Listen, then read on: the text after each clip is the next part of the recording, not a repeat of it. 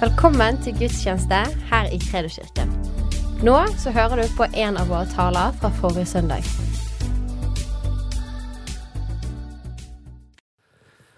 Yes, fint å se deg. Det er så bra å komme sammen og feire gudstjeneste. Det er så godt å bare tilbe Herren og høre Guds ord. Og eh, ble jo bedt for eh, Iran her. og det, Den beste velsignelsen det landet kan få, det er vekkelse.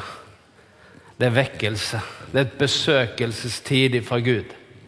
Det trenger Iran. Fordi det, det ligger der latent i folket. Denne lengsel etter Gud. Og eh, har det vært eh, et ku av folk i mange år, men det er Gud. Han endrer ikke politikk, han endrer hjertet. Og det er det som er fantastisk med Gud, det at han endrer hjertene. Og Derfor så ber vi om at Gud skal få endre hjertene i Iran, i hele Midtøsten og mange andre plasser på jorden. I Norge òg. Så trenger det å forvandle hjertet. Om det endres, om det er det ene eller det andre partiet som styrer. Vi kan ikke endre hjertene, men det kan Jesus. Derfor er Guds menighet den er så viktig at vi er her. Slik at uh, Guds rike kan gå fram, at vi kan være sammen og tilbe Gud. Og så skal vi gjøre en forskjell i samfunnet. Uh, vi er inne i en, uh, en serie nå som handler om tro. Og så skal vi ende opp med troskonferansen. Jeg tror 2022. Og du vet, Jeg tror det er jo navnet på menigheten. Credo, det betyr 'jeg tror'. Så derfor kaller vi konferansen 'Jeg tror 2022'. Og der får vi eh, Det blir liksom finalen på denne høstens serie om tro. Nå kommer Ankit, pastor Ankit fra India, som står i vekkelse i New Delhi. Så står der i, i, menigheten i Delhi, hvor de ser at hinduistene de, de kommer til tro. De, blir, de, har ikke hørt om Jesus noen gang, og så blir de radikalt frelst, blir fridd, helbreda, satt fri. Og så vokser menigheten uke for uke, så bare øker det i antall. Så Derfor så er det en menighet, en pastor, som står i vekkelse, som kommer her. Så eh, opplever tegn og under i hverdagen der i Delhi. Så og så eh, ser vi om det kommer noen flere òg. Men i hvert fall så kommer Herren. Så, eh, og hvis du kommer òg, så blir det veldig bra. Så bare sett av den helgen, for det blir faktisk en fantastisk bra helg. Fra fredag til søndag, og eh, på dagen på lørdag òg. Så det er noe å se fram til. Yes, da er vi klar. Og eh, i dag så har jeg tema på veggen her. Det, jeg vil snakke om troens vekst prosess.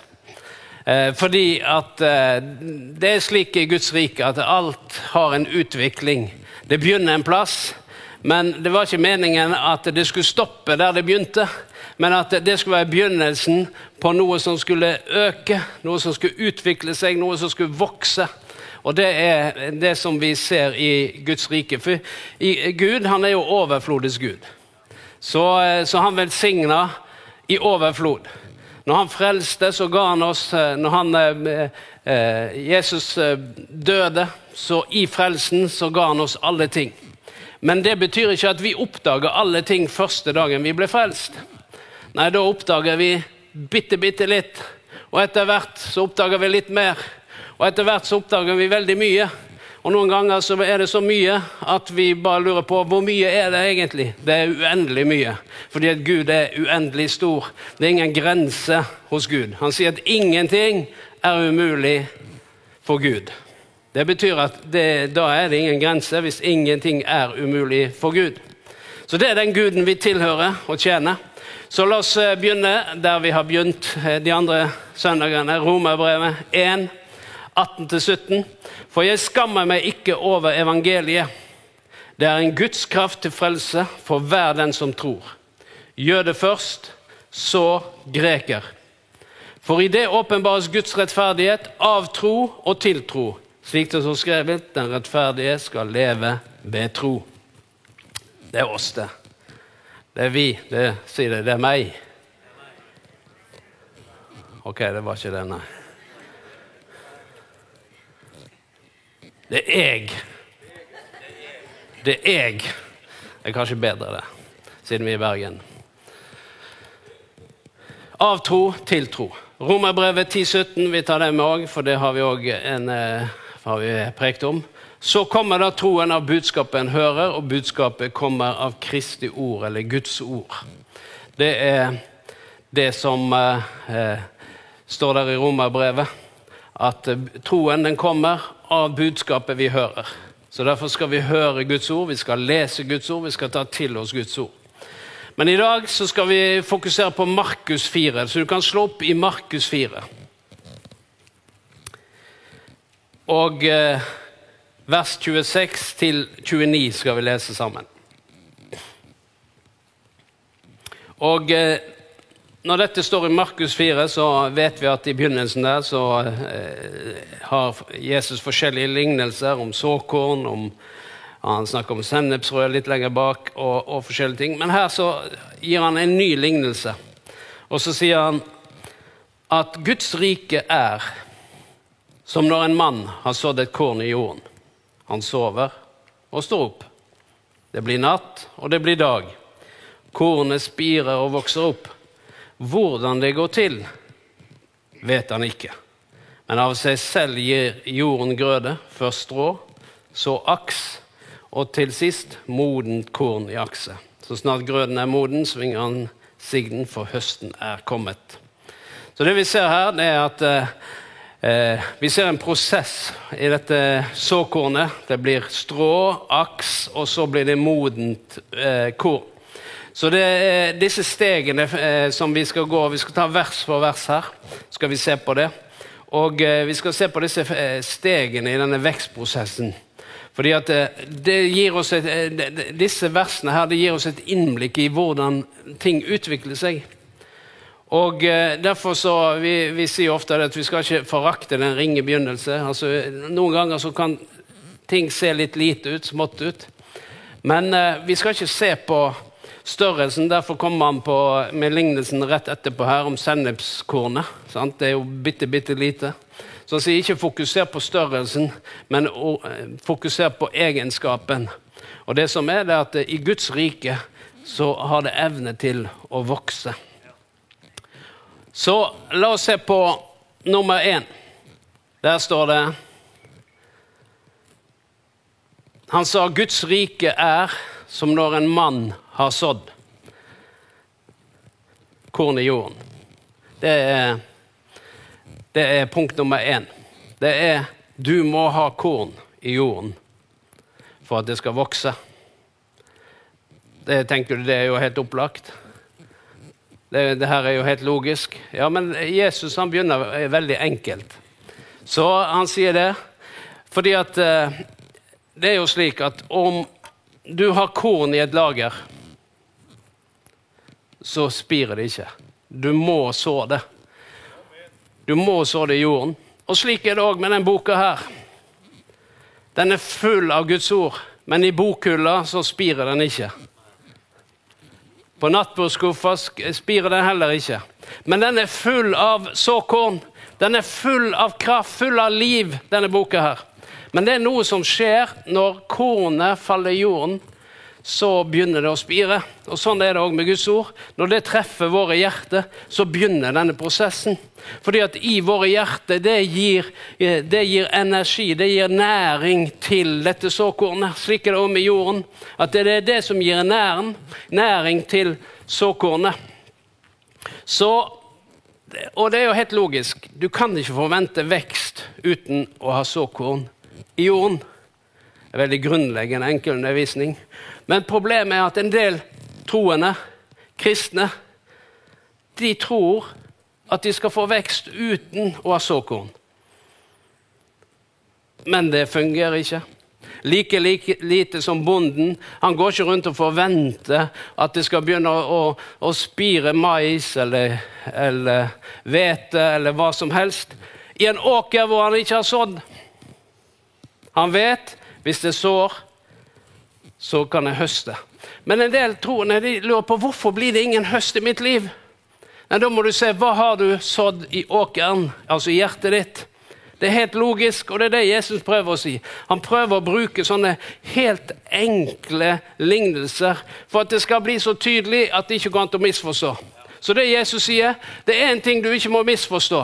Du kan ikke forvente at Guds ord skal begynne å spire i ditt hjerte hvis du ikke tar det inn. Hvis du ikke leser det, hvis du ikke lytter til det, hvis ikke du grunner på det. Fordi det er det første steget. Det er ha korn i åkeren. Ha Guds ord i hjertet. Følg det med Guds ord. Og så er det jo da et prinsipp til. Det er at du høster det du sår. Det er òg viktig å forstå. Det er ikke slik at du, du kan du, du sår én ting og høster noe annet. Nei, det er helt logisk. Du høster det du sår, og det vet vi. Men når vi kommer over til Guds rike, så er det slik at noen ganger så forventer vi at vi skal høste ting vi ikke har sådd. Eller høste noe annet enn det vi sådde. Sånn er det òg med pengene. Vi høster. Hvis vi sår penger, så høster vi penger. Altså når du gir Vi hadde jo eh, innsamling nå, hvor du kunne gi. Og da er det slik at når du gir penger, så er det det det kommer en høst på. Kommer det velsignelse på økonomisk område. Det betyr ikke nødvendigvis at det ramler penger inn i kontoen, men det kan være noen ganger at Guds velsignelse gjør at det ikke renner penger ut av kontoen. At vaskemaskinen den går og går. Blir ikke kvitt den. Jeg husker vi hadde en TV, en gammel TV hjemme. Og den røk jo aldri. Til min fortvilelse så kunne ikke jeg kjøpe en ny. For den varte og varte og varte. Men en, en dag så var Gud nådig. Det var rett før fotball-VM i 1998. Det var sånn timing at det måtte være Gud. Da røk TV-en, og vi kunne kjøpe en ny. Og vi har hatt forskjellige kjøleskap og greier. Det, de går og går. Til slutt så måtte vi gi det bort, for det slutter ikke å gå. Så vi fant ut, Da får vi bare gi det bort. Jeg vet ikke om det går enda. Det var allerede 25 år gammelt. Det var medgift fra Tanja. Når jeg gifta meg, så fikk vi med, medgift. Det var et kjøleskap. Ekteskapet vårt er ikke et kjøleskap. men Det er noen som har ekteskap som kjøleskap, men det, det er et annet tema, et annet emne. Men uh, i hvert fall, så det ga, det ga, seg aldri, så til slutt måtte vi gi det bort. Vet du hva jeg tror? Det har noe med velsignelse fordi når du sår økonomi, så slår det inn på økonomi. Men noen ganger så forventer vi Guds velsignelse på økonomien uten å ha såkorn. Uten å gi. Men det henger sammen. Og Sånn er det òg med Guds ord. Når Guds ord eh, kommer i våre hjerter, så er det Guds ord som begynner å blomstre. Hvis du sår noe annet i ditt hjerte, hvis du sår kritikk, så kommer kritikk. Hvis du sår tvil, så kommer tvil. Hvis du er forvirring, så blir du forvirra. Det henger sammen. Det du sår, er det du høster. Og bonden han forventer å høste det slaget som han sår. Ok, vi gjør ikke mer på den. Men så sier han hvordan det går til, det vet han ikke. Vi ønsker veldig sterkt noen ganger å forstå hvordan dette går til. Men det Jesus sier oss, er at eh, denne kornbonden han vet ikke hvordan. Og han trenger heller ikke å vite det. Hvorfor det? Nei, fordi det er selve troen på det som skjer, som gjør at bonden sår. Han vet at når han har såkorn i jorden, så vil når den såkornet treffer jorden, så begynner egenskapen til jorden til å gi vekst. Så Derfor er det ikke slik at han trenger å anstrenge seg for å være overbevist om at det blir en høst når han har sådd. Nei, han vet det. Og det er det som er tro. Tro er full visshet om ting du ikke ser. Du bare vet at det er slik. Og bonden, han bare vet at det er slik. Så hver, hver vår så sår han i tro. Ja, men eh, hva gjør han da? Nei, det står her han går og legger seg. Han sover og står opp. Vi kan se på neste punkt her. Fordi at til å begynne med så ser du ingen synlige resultat. Så bonden han går der og sår. Og så, hva gjør han så? Han går hjem og legger seg. Han går ikke hjem og bekymrer seg. Han går ikke hjem og tenker liksom Skjer det noe der ute? Skjer det noe med kornet som er sådd? Nei, han er helt rolig og avslappet, for han vet at Det kommer til å spire. Ja, men jeg ser ingenting. Det er ingenting som er synlig. Nei, det er ikke slik i begynnelsen. Du ser ingenting. Det går flere uker før bonden ser resultatet av det han har sådd. Men han bare vet. Det fungerer, det virker. Så han går hjem og legger seg. Så står det han sover og står opp, og det blir natt og det blir dag. Han bekymrer seg ikke, for han er fullt overbevist om at det han har sådd, det kommer til å spire, det kommer til å gro, og det blir en høst. Det er ikke sånn at han da dagen etter så går han ut igjen og graver opp igjen for å se skjer det noe her.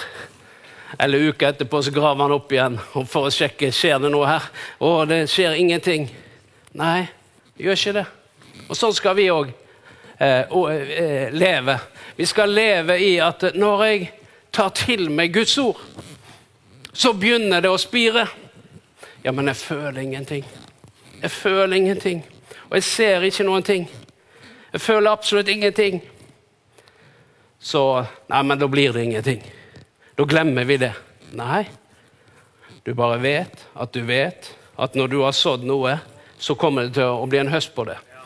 Ja, men jeg føler ingenting. Det står ikke det at bonden går hjem og ligger og føler og kjenner etter. Blir det noe nå? Nei, han gjør ikke det. ligger ikke hjemme der og tar seg sammen. Sitter der og er hvit på knoklene. Å, nå må det gro, nå må det gro, nå må det gro. Nei, han, så, han, han sover, han slapper helt av. Hvorfor det? For han vet at Gud virker gjennom det såkornet og gjennom åkeren, så bare begynner det å spire og gro. Og Det er den mentaliteten vi har. For tro er full visshet. Hvis du er full visshet om noe, da slipper du å gå rundt krampaktig og anstrenge deg. Da kan du hvile, og det er det Jesus sier her. Du kan hvile, fordi når du gjør det som jeg sier du skal gjøre, så blir det resultat. Du trenger ikke føle på det, Trenger ikke se om det blir noe i det synlige sånn til å begynne med. Trenger ikke lure på det. Jeg tenker på Noah. Han. Noah bygde jo en ark. Det tok 120 år. Det er ganske lenge. 120 år. Og så står det at eh, når, begynte, når, Gud sa du skal bygge en ark for det skal komme regn Når han begynte på denne arken, så hadde det ikke regna på jorden. Så han begynner å bygge denne båten på land. 120 år. Det er lenge, det. Han bare fortsatte og fortsatte og fortsatte. Og det kom jo ikke regn på 120 år. Men når han var ferdig, når han hadde fullført det han hadde fått beskjed om, da begynte det å regne. Men tenk da, det var litt lenge, syns du kanskje. Ja, Hvis det tar 120 år før du får svar, så er det kanskje litt seint. Men da kan det være du jobber for neste generasjon. For det var jo det med Noah òg. Han hadde med seg neste generasjon om bord i arken. Så Noen ganger så lever vi litt kortsiktig. Vi skal leve langsiktig. Vi skal tenke at det vi gjør i dag, det ikke, handler ikke bare om mitt liv, men det handler om neste generasjon, og det handler om framtiden. Det handler om eh, at Guds rike skal gå fram. Men selv om du ikke ser noe, selv om du ikke føler noe, så spirer det og gror. Fordi at eh, vi tror at det vil produsere resultat fordi Gud har sagt det. Det er fordi Gud har sagt det, at vi forventer det. Og det er det Jesus sier her. Se til at du har såkorn i åkeren, fordi at det vil gi resultat. Og Derfor holder vi fast ved det Gud har sagt, det Gud har sagt selv om det ikke er noe som er synlig. Vi holder fast ved det likevel. På grunn av tro og utholdenhet, står det, så fikk Abraham del i løftene. Så tro og utholdenhet. Og vi holder fast ved det Gud har sagt, og så begynner det å spire. For dette såkornet det trenger varme, det trenger vann for å slå rot. Og slik er det når vi mediterer på ordet, når vi er i bønn, når vi er i det trones fellesskap. Så begynner det å spire og gro. Men så står det noe interessant i vers 28 vi går til eh, steg nummer tre, der står det 'av seg selv'. Automatisk betyr det. Av seg selv gir jorden grøde. På gresk så er det dette ordet 'av seg selv' det kommer fra ordet 'automatos'. Automatos. Det ligner jo på et norsk ord som heter 'automatisk'. Og det er det det betyr. Det automatisk, det går av seg selv. Det er det det egentlig betyr. Og her står det at av seg selv så gir jorden grøde. De rette jordforholdene gir automatisk vekst. Fordi at når frøet kommer i jorden, så begynner det å hente næring. Det betyr at våre hjerter For det er det Jesus snakker om når han snakker om såkornet. som snakker om våre hjerter. Det vil si at uh, våre hjerter vil automatisk begynne å gi liv til alt vi lar dominere og gi vår oppmerksomhet til. Det er bare sånn. Det skjer automatisk. Så når du gir Guds ord oppmerksomhet i livet ditt, så skjer det noe helt av seg selv. Du bør ikke ta deg sammen, du bør ikke falle sammen, du bør ikke gjøre noe som helst. Du kan gå og legge deg, for helt automatisk så begynner dette å spire. Og begynner det å gro. Av seg selv. Fordi det skjer automatisk.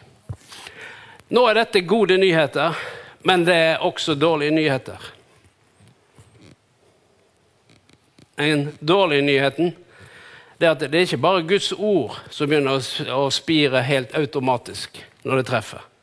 Det er bare slik at hjertet vårt, vårt vår, vår, menneskenatur, den er slik at det begynner å spire automatisk også andre ting. Synd, vantro, bekymring, negative ting, inntrykk fra denne verden.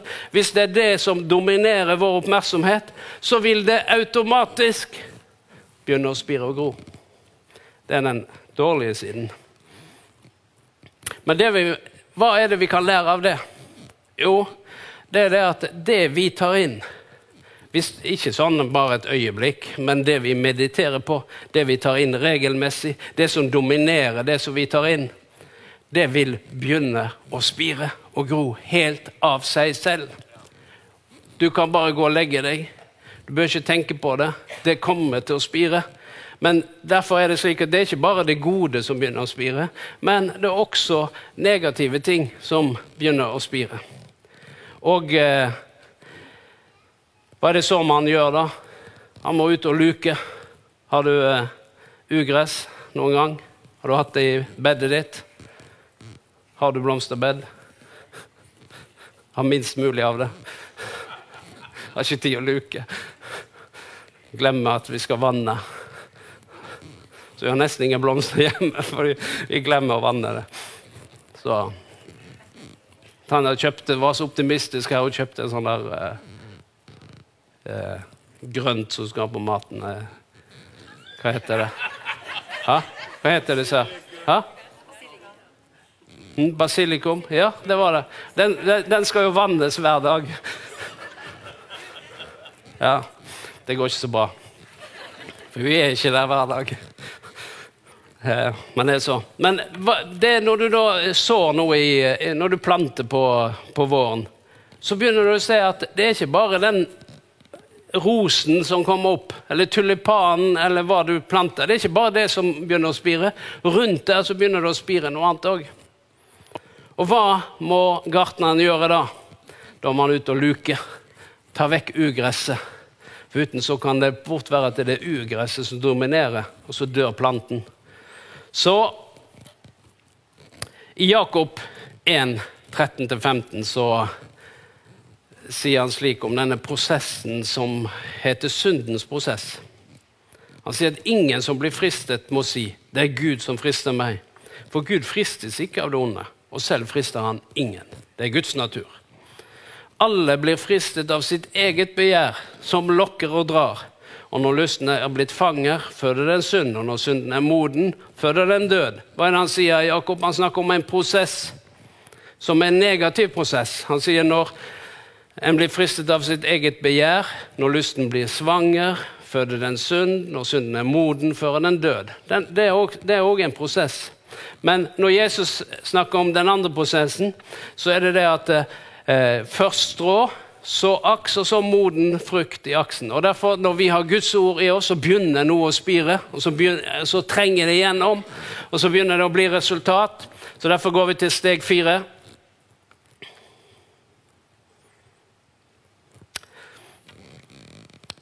Det er denne prosessen før en kommer til det endelige resultatet. Så står det først rå, så aks, og til sist modent korn i akse.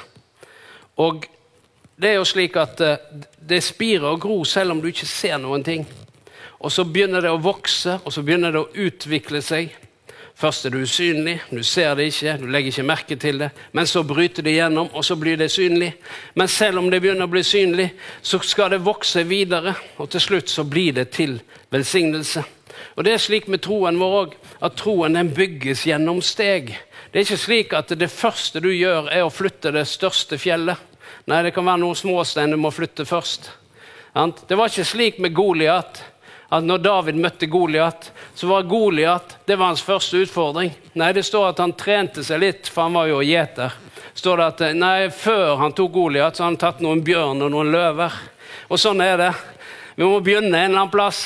Hvis du tenker at jo, jeg skal ta Goliat Nei, men Tren deg litt på en bjørn og en løve først. Eller nabohunden eller katten eller hva det er. Tren deg på noe annet først. Og det, hva er det? Fordi at det er en prosess.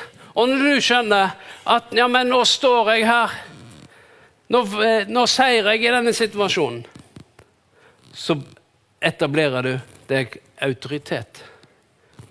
Og så Fordi at Herren gir oss ikke større utfordringer enn der vi er. Og Derfor så tar vi det steget. Og så tenker vi OK, når Goliat da kommer så er det fordi du har trent deg. Så er det fordi du har hatt noen andre runder før. Jeg vet jo det i forhold til eh, arbeidet som vi står i her. Så er det jo slik at eh, i perioder her som, eh, som eh, vi gikk gjennom, så var det litt store økonomiske utfordringer. Og hva var grunnen til at en kunne stå i de? Jo, fordi en hadde stått i noen tusenlapper og noen hundrelapper før. Det var bare at det kom noen nuller ekstra etter hvert. Men det var ikke der det begynte. Det hadde ikke gått bra hvis det første oppdraget var at ja, nå, du, ja, nå mangler du tre millioner her. Nei, det var 300 kroner det begynte med. Det var 1000 kroner, det var 5000 kroner. På mitt personlige plan. Det var der det begynte. Men så var det slik at jeg måtte gå gjennom disse prosessene for at jeg kunne ta nye steg. For da kunne Herren si OK, det gikk jo bra, det her. Nå legger jeg på litt større byrde. Nå øker jeg litt mer. Og sånn er det med livet med Gud. Alt begynner en plass. Og Derfor skal du ikke tenke at ja, men tenk hvis det hadde vært slik. Nei, men stå igjennom. Ta steg. Handle i tro. Eh, be for denne forkjølelsen, eller hva det måtte være. Og så begynner du. Fordi det begynner alltid en plass. Og når det først har begynt, så blir det så spennende at du kan ikke la være annet enn å ta et steg til og ta et steg til og ta et steg til. Og for hvert steg du tar, så skjer det en utvikling. Først strå, så aks, og så blir det en høst. Det begynner først strå, så aks, så blir det en høst. Sånn er det i alle ting som har med Guds rike å gjøre. Fordi at eh, Bibelen har mange eksempel på hvordan dette her fungerer. Skal vi se på disse punktene våre? Disse stegene. For det første, du må ha såkorn i jorden. Det er steg nummer én. Det blir ingen høst om ikke du har sådd. Nummer to, til å begynne med så ser du ingen synlig resultat. Hva sier Hebreerbrevet 11,1? At tro er full visshet om ting du ikke ser. Så Derfor er det sånn at du holder fast ved det selv om du ikke ser det.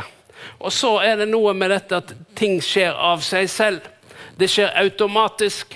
Så derfor kan du hvile når du vet at du har fulgt det med Guds ord og undervisning og det kristne fellesskapet og alt det som hører til, så vet du det kommer bare til å utvikle tro i mitt liv. Og det siste det er at det er en prosess. Det begynner en plass, og så utvikler det seg, og så er det nye steg. Hvis vi ser i eh, Johannes, nei, Hebreabrevet 5, så eh, står det òg om eh, noen steg i prosessen. I 5, 13-14 så står det dere er blitt slike som trenger melk og ikke fast føde.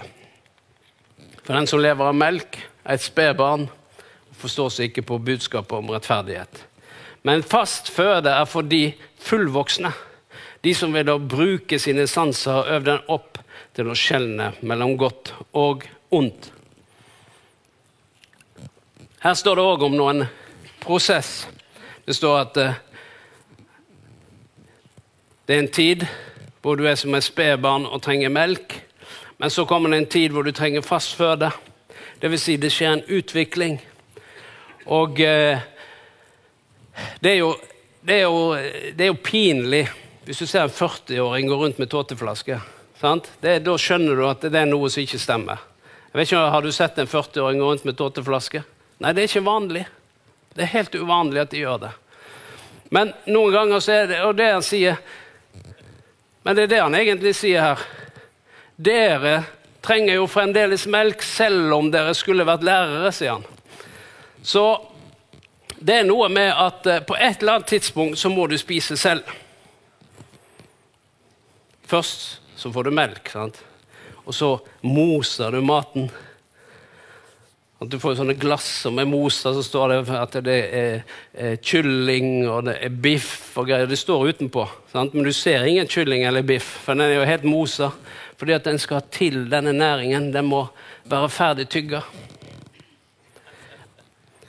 Men så kommer det et punkt hvor det er slutt på dette mosa greiene.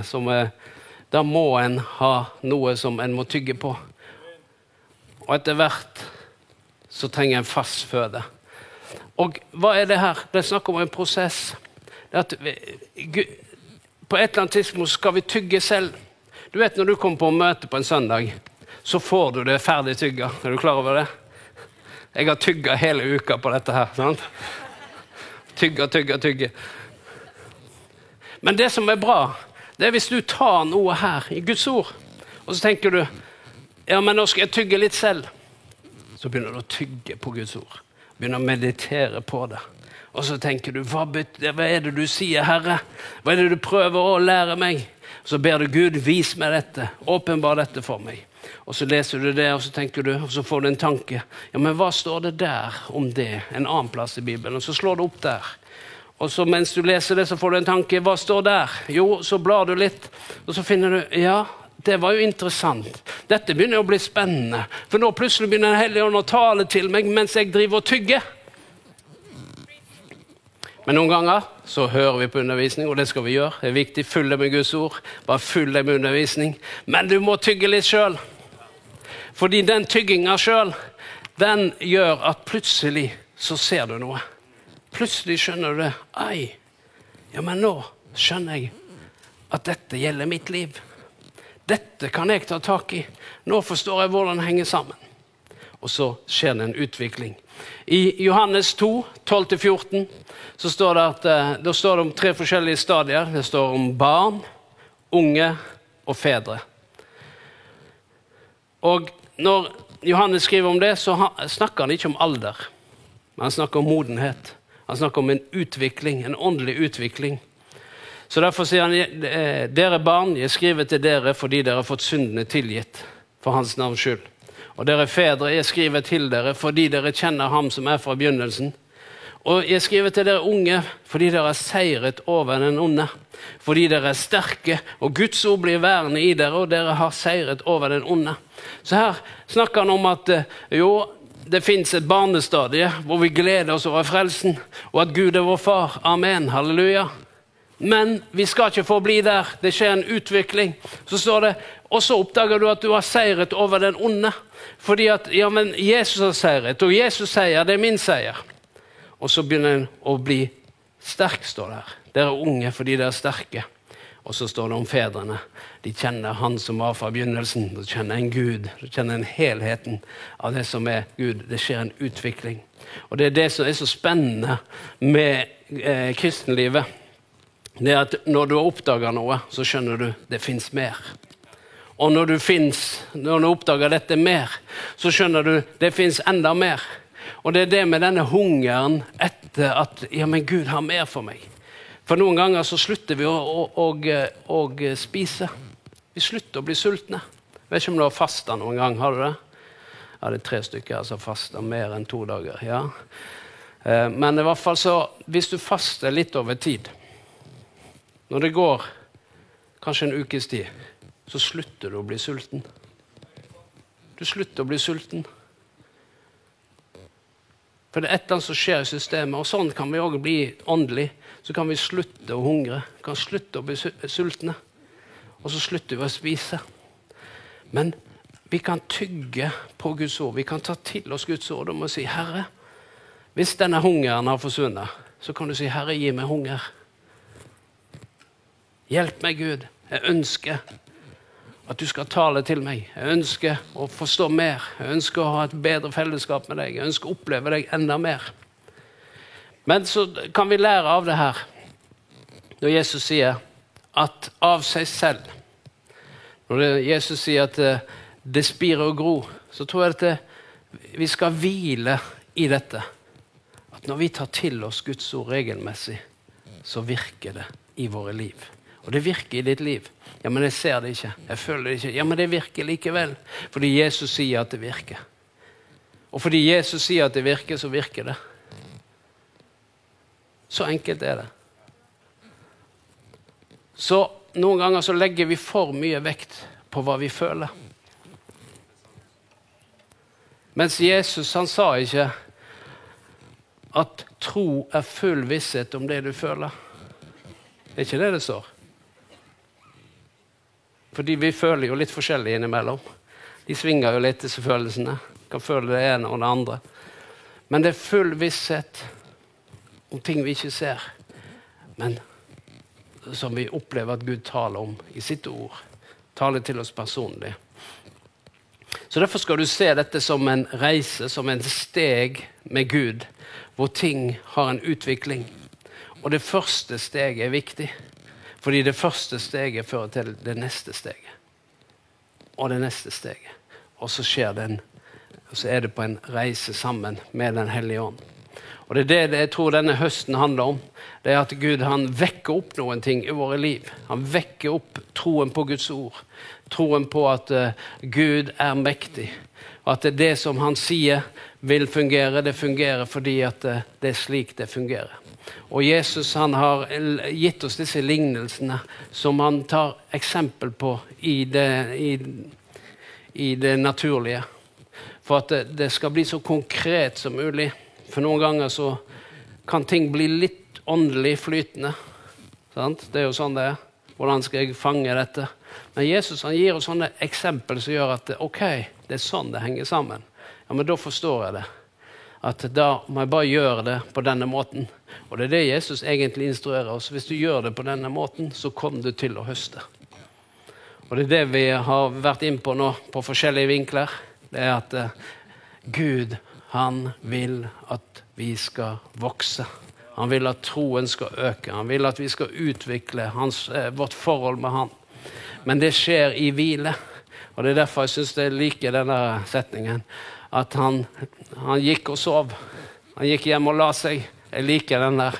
Det står en annen plass i salmene så står det at det, gir han sin venn mens han sover. Sant? Har du sett det? Så eh, betyr det at vi skal sove? Nei, det betyr at vi skal hvile. Vi skal hvile i at Gud virker. Fordi at tro det er ikke noe om å ta seg sammen eller krampaktig prøve å jeg tror, jeg tror, jeg tror. Sant? Han som skulle gå på vannet. Jeg tror, jeg tror, jeg tror. Gikk han igjennom. Sant? Var ikke det jeg trodde, sa Altså Noen ganger så gjør vi det til noe som er anstrengende. Men det Jesus sier her, det er tro er ikke anstrengende. Det er ikke det. det er ikke an, jeg vet ikke om det er anstrengende å spise hver dag. Kjenn på hva du spiser. Sant? Hvis det er havregrøt, så skjønner jeg at det er anstrengende. Sant? Det er jo noen som spiser havregrøt hver morgen. Sant? Og det kjenner jeg da, De er veldig anstrengende. Det kommer an på hva du spiser. Noen ganger kan det være litt anstrengende å spise ting. Men, eh, men sånn normalt så er det ikke sånn at du tenker og bruker veldig mye energi på at nå spiser du. Og sånn er det at vi tar til oss Guds ord, og så vet vi det begynner å virke det spirer i våre liv. Når vi reiser oss opp, skal vi be sammen.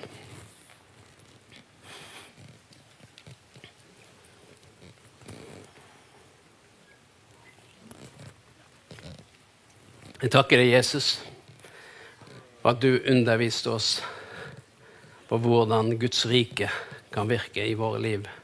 hvordan troen kan virke i våre liv, Herre. Vi takker deg, far.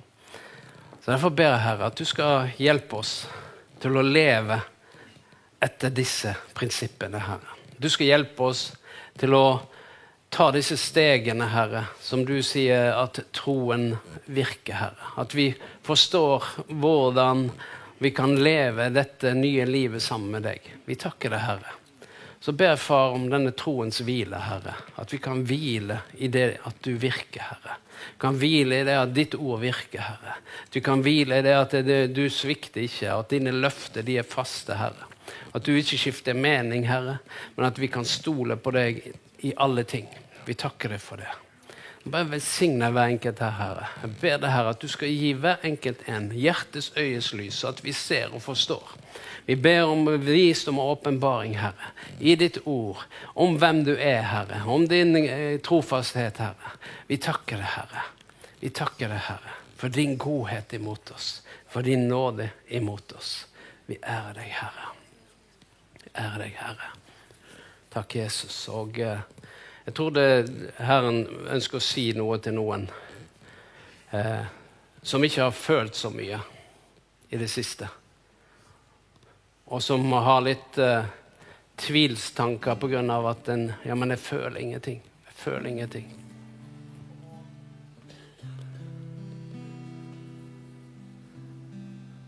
Da eh, tror jeg Herren ønsker bare å si det at uh,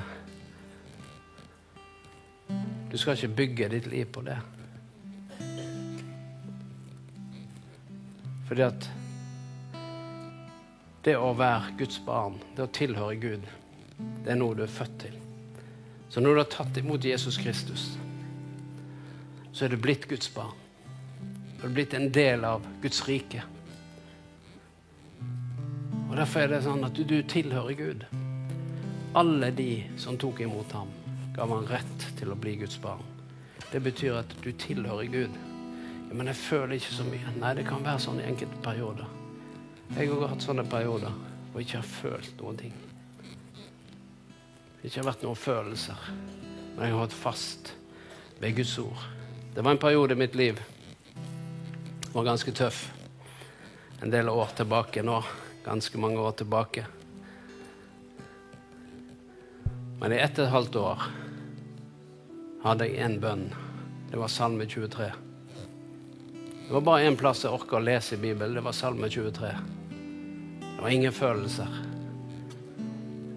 Følte ingenting.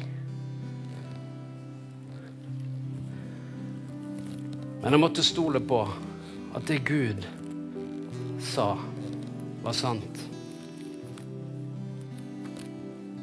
Jeg måtte ta til meg Guds ord.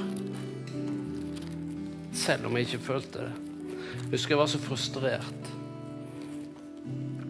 Jeg var så frustrert. Jeg var så desperat. Gud, jeg hører deg ikke. Jeg føler deg ikke. Jeg var desperat.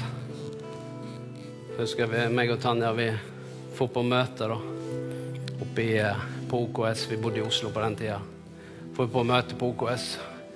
Jeg var helt overbevist. Gud, i dag skal du tale til meg. Jeg fikk ingenting. Det var helt dødt Jeg var så frustrert. Jeg husker jeg kjørte nedover Østre Akers vei. Bare bra det ikke var fartskontroll. Jeg var så frustrert.